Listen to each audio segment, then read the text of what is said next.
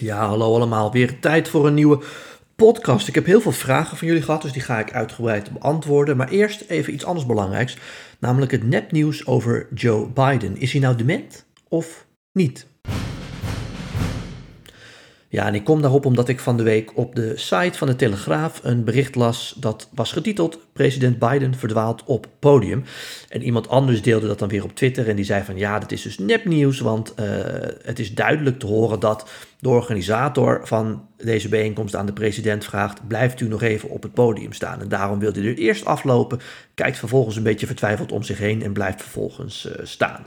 Dat klopt overigens ook, dus in zoverre is dat inderdaad een voorbeeld van uh, nepnieuws. Um, we weten überhaupt niet of de president dement is, dus dat is uh, speculeren. Maar dat hij af en toe wat gekke momenten in de media heeft, dat is wel zeker. En dat hij af en toe ook een beetje verdwaalt op het podium, uh, dat is ook zeker. Overigens hebben andere presidenten dat natuurlijk ook wel eens meegemaakt. Er is een heel bekend fragment van president Bush in China, die de rechterkant van het podium afloopt naar een hele grote deur. En die deur zit vervolgens op slot. En hij blijft daar dan een beetje verdwaald uh, staan. En vervolgens komt hij erachter dat hij aan de linkerkant van het podium eraf moest. Um, ja, het is nou eenmaal zo dat Biden, die loopt al 50 jaar in de politiek mee. Kennen we als een getapte man met een hele vlotte babbel, dat het nu een beetje een schim van zichzelf is. En daarom wordt natuurlijk heel snel al het frame gemaakt van de president is in de war of uh, in dit geval een beetje verdwaald. Zo gek moeten we daar ook weer niet uh, van opkijken. Uh, zelf wordt hij daar natuurlijk ook vraag naar gevraagd. Nou, wat is uw mentale gesteldheid uh, eigenlijk? Dat was ook uh, vorige week zondag zo bij een interview met 60 Minutes op CBS. En daar zei de president eigenlijk: Ja, ik voel me nog kip lekker. How would you say your mental focus is? Oh, it's focused. I, say it's, I think it's, I, I haven't, look, I have trouble even mentioning, even saying to myself, my own head, the number of years. I no more think of myself as being as old as I am than fly. I mean, it's just not, uh, uh, I haven't observed anything in terms of, there's not things I don't do now that I did before, whether it's physical or mental or anything else. Ja, ook niet de meest heldere reply van de president ooit. Maar hij zegt in feite van ja, ik voel me nog steeds uh, zoals ik me altijd al uh, voelde. Maar goed, uh, laat ik voor mijzelf spreken. Ik volg de Amerikaanse politiek nu een jaartje of twintig. en Biden was altijd een van mijn favoriete politici, een van mijn favoriete senatoren. Omdat hij juist altijd een beetje à la Trump was. Namelijk ontzettend uitgesproken, zei soms een beetje politiek incorrecte dingen.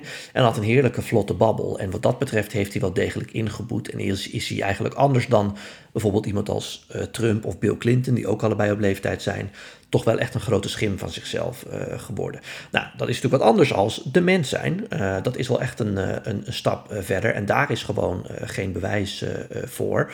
Maar het kan natuurlijk best zijn, en dan kom ik terug op wat ik eerder zei, dat omdat hij ook wel een beetje ingeboet heeft op die leeftijd, ja, dat hij bijvoorbeeld als hij op een podium staat een beetje schokkerig en houterig is van, joh, gaat dit allemaal wel goed? En dat bevestigt dan weer het beeld van ons dat hij misschien uh, nou, iets mankeert. Maar dat hoeft natuurlijk helemaal niet zo te zijn. Dit kan ook gewoon puur ouderdom zijn en dat is het dan.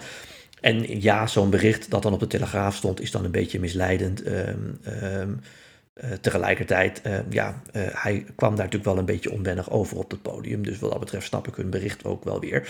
Jullie weten, ik kijk heel veel Fox News. onder andere omdat ik daar een boek over heb geschreven, over het succes van Fox, News. Nieuws als wapen heet dat, kun je nog steeds vooruit bestellen via de site van mijn uitgever, Sparkle Auteurs, of via mijn eigen website, remomens.nl, dan kom je er ook.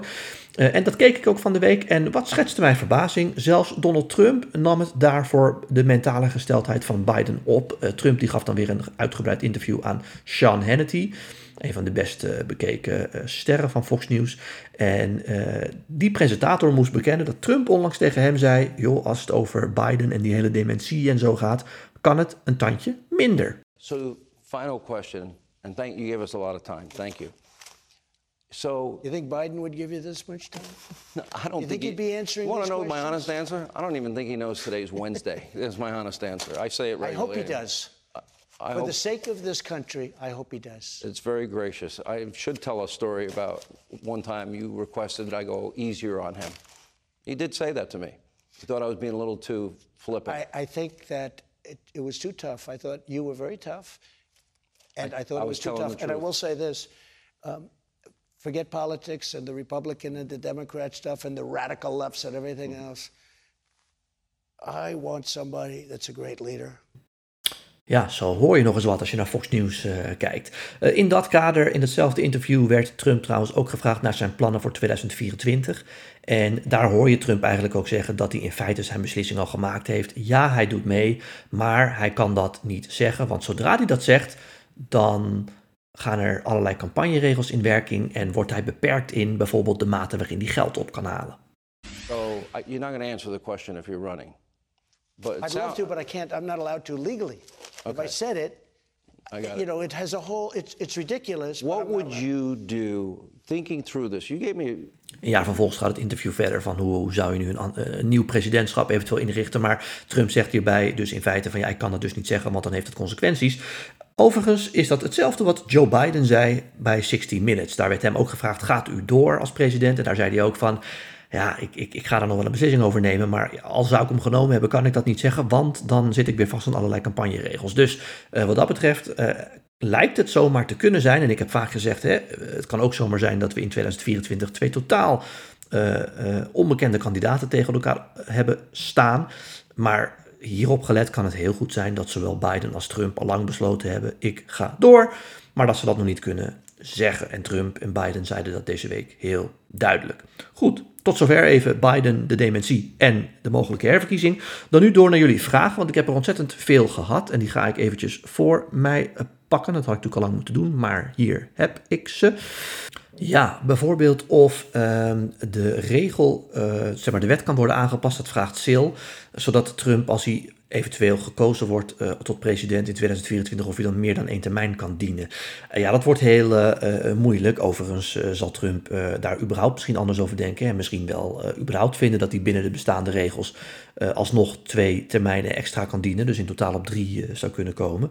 de Democraten zouden natuurlijk zeggen: Trump denkt dat hij voor eeuwig president kan worden. ja, ik denk dus, wat even voor de helderheid: Trump heeft één termijn gehad al, heeft dan verloren. Dan mocht hij opnieuw gekozen worden, dan is dat dus ook zijn tweede termijn. En na vier jaar moet hij dan sowieso stoppen en mag hij niet meer herkozen worden. En Sil vraagt inderdaad, mag je dat dan uh, aanpassen?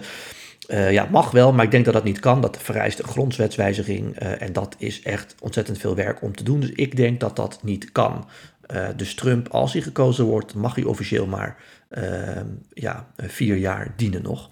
Uh, iemand vraagt even off-topic hoe het WK leeft in Amerika. Nou, niet zo heel erg. Het WK voetbal leeft daar nooit uh, zozeer. Ze zijn nu al bezig met de finale van de Super Bowl. Hè. Bekend is geworden dat Rihanna daarop gaat treden in februari.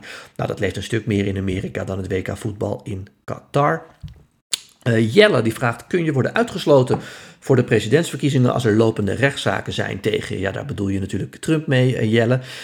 Nee, dat kan niet. Um, uh, in theorie mag Trump zelfs vanuit de gevangenis nog meedoen aan die verkiezingen. Uh, dat is echt een heel open uh, proces. dus ja, hoeveel rechtszaken er ook lopen, Trump mag gewoon meedoen. Sterker nog, ik heb eerder gezegd, ik denk dat al die rechtszaken die er lopen ervoor gaan zorgen dat Trump juist uh, aan die verkiezingen uh, mee gaat doen. En ook een stuk sneller dan verwacht, omdat hij dan ook sterker zou staan, uh, verhaaltechnisch, door te zeggen: kijk, ze proberen mij gewoon te stoppen omdat ze bang zijn dat ik president word. In plaats van op al die zaken specifiek in te gaan, bijvoorbeeld over die geheime documenten, dan wel, hè, die in Mar-a-Lago zijn gevonden, dan wel bijvoorbeeld wat er in New York allemaal is gebeurd. dus Trump zegt natuurlijk dat is allemaal één grote heksenjacht. En dat kan hij een stuk sterker vertellen als hij daadwerkelijk aan die verkiezingen meedoet. Goed, uh, Fa die vraagt, hoe kijk je nu naar Kamala Harris, nu ze bijna twee jaar vicepresident is? Ja, daar kijk ik, maar dat heb ik ook eerder een keer behandeld, erg teleurstellend uh, na. Een van de eerste podcasts die ik maakte, die ging over de verhouding tussen Kamala Harris en Joe Biden. En mijn conclusie is, die is enorm vertroebeld. Uh, en dat komt omdat ze verschillende belangen hebben. Biden wil rust uitstralen. als hij een paar dagen niet in het nieuws is, vindt hij dat prima. en die wil, hebben we net ook behandeld, mogelijk weer president worden. Kamala Harris wil juist heel erg uh, zichzelf positioneren, omdat zij ook weet, ja, als Biden geen president wordt, uh, dan wil ik eigenlijk die presidentskandidaat zijn. En om sterk in mijn schoenen te kunnen staan, wil ik nu al een soort profiel kunnen bouwen. En dat botst met elkaar en daarom botsen zij ook met elkaar. Uh, en, en ja, dat leidt ertoe dat ik concluderend kan zeggen dat ik haar heel erg onzichtbaar vind. de keren dat ze zichtbaar is, kan ik er geen touw aan vastknopen wat ze nu precies wil of waar ze mee bezig is. Ehm, en iedere keer dat ze in de media komt, heeft het vaak te maken met bijvoorbeeld het feit dat ze heel erg het wokisme omarmt, de hele woke-beweging. Dat mag zij doen, dat is natuurlijk haar keus, maar ik vraag me af of dat een enorme kansrijke exercitie is als je nog president wilt worden. Dus ik ben niet heel erg van haar onder de indruk. Ik ben eigenlijk maar één dag van haar onder de indruk geweest. Dat was in 2015, uh, eh, of misschien was het begin 2016, weet ik uit mijn hoofd niet meer. Toen ze haar presidentscampagne startte. Toen was ik onder de indruk van haar. Het was een felle speech, waren ontzettend veel mensen bij, ontzettend goede energie. En sindsdien is het eigenlijk alleen maar bergafwaarts gegaan. Vervolgens, uh, Xander die vraagt: wat zijn de mogelijke gevolgen voor de oorlog in Oekraïne als Trump president wordt? Ja. Eh, Trump heeft laatst ook alweer gezegd, uh, die hele NAVO, ook al zijn landen nu eindelijk een beetje aan het betalen, waaronder ook Nederland, uh, ik vind toch dat wij nog steeds daar het leeuwendeel voor ophoesten. En ik vind dat niet zo'n heel goed idee. En ik vind het ook niet zo goed dat nu Biden al tientallen miljard dollars aan Oekraïne heeft overgemaakt. Ik zou met die beide dingen misschien wel stoppen. Dus ehm, als Trump weer president wordt, dan uh, moet Europa echt flink aan de bak. Want dan kan het zomaar zijn dat de Amerikanen zich gaan terugtrekken, zowel uit de NAVO als ook de hele operatie in Oekraïne. De politieke druk op Trump om dat natuurlijk niet te doen zal enorm zijn. Uh, en mogelijk komen ze ergens in het midden uit, hè, dat dan ook andere landen meer geld gaan geven, dat de Amerikanen alsnog hun budget voor de NAVO en ook misschien wel hun budget richting Oekraïne wat kunnen terugschroeven. En dan kan Trump weer een succesje claimen. Uh, maar dat zal zeker nog een grote discussie worden als Trump weer meedoet en zeker als Trump ook weer president wordt. Uh, vervolgens vraagt Max: Denk jij dat de USA ook een kantelpunt krijgen na die hele verkiezingen in Italië? Ja, dat zou natuurlijk zomaar kunnen. Ik denk dat in de Amerikaanse politiek er niet heel erg uh, uh, naar de Europese politiek gekeken wordt. Vaak is dat andersom.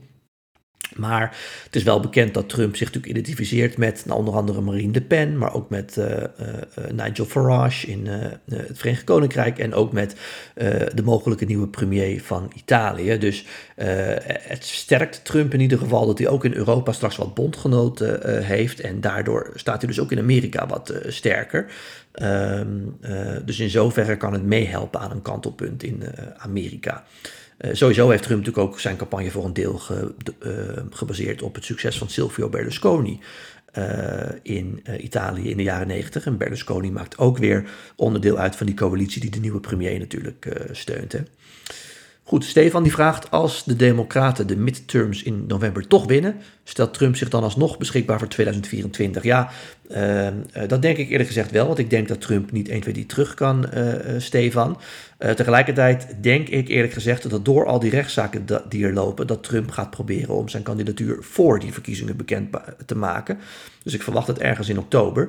gebeurt dat niet en Trump wacht toch nog, en dat zou ook natuurlijk zomaar kunnen, uh, dan denk ik dat die verkiezingen eerlijk gezegd niet heel veel invloed op Trump hebben, omdat ja, uh, er voor Trump veel grotere belangen spelen dan alleen maar die midtermverkiezingen. Dus ik denk dat ook al doet zijn partij het heel erg slecht, dan staat Trump wel zwakker en zullen uh, republikeinen als Ron DeSantis zeggen van nou al die Trump-kandidaten hebben kennelijk niet het gewenste succes gehad.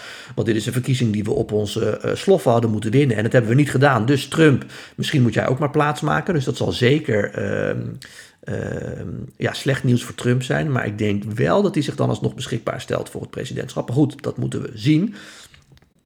Laatste vraag vervolgens.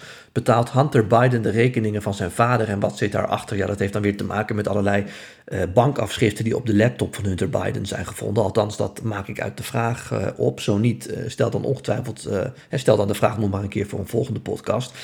Um, uh, ik denk eerlijk gezegd dat Biden vooral heel veel rekeningen voor zijn zoon heeft uh, betaald.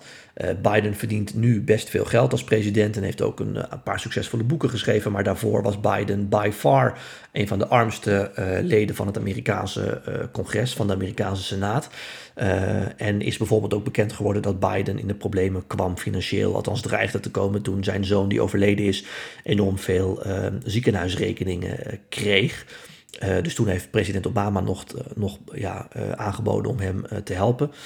ik denk eerlijk gezegd dat Biden best een eerlijke doorsnee politicus is, maar dat er mensen om Biden heen zitten die daar misbruik van maken. Zijn zoon Hunter is daar een van, maar de broer van Biden uh, is daar ook een ander voorbeeld van. Uh, dat zie je ook met andere politici. Bill Clinton had het vroeger, Nancy Pelosi heeft het. Dat allemaal mensen om haar heen dan misbruik van de positie maken die zij eigenlijk hebben. Dus ik denk niet dat Hunter Biden de rekeningen van zijn vader betaalt. Als het al zo is, dan is het andersom, omdat hij de schulden van zijn zoon moest betalen. Maar goed, mocht je andere bewijzen hebben, stel dan gerust de vraag nog een keer en dan gaan we erin duiken. Goed, tot zover. Uh, heb je nog andere vragen, waaronder ook deze over Hunter Biden, maar het kunnen natuurlijk van allerlei vragen zijn.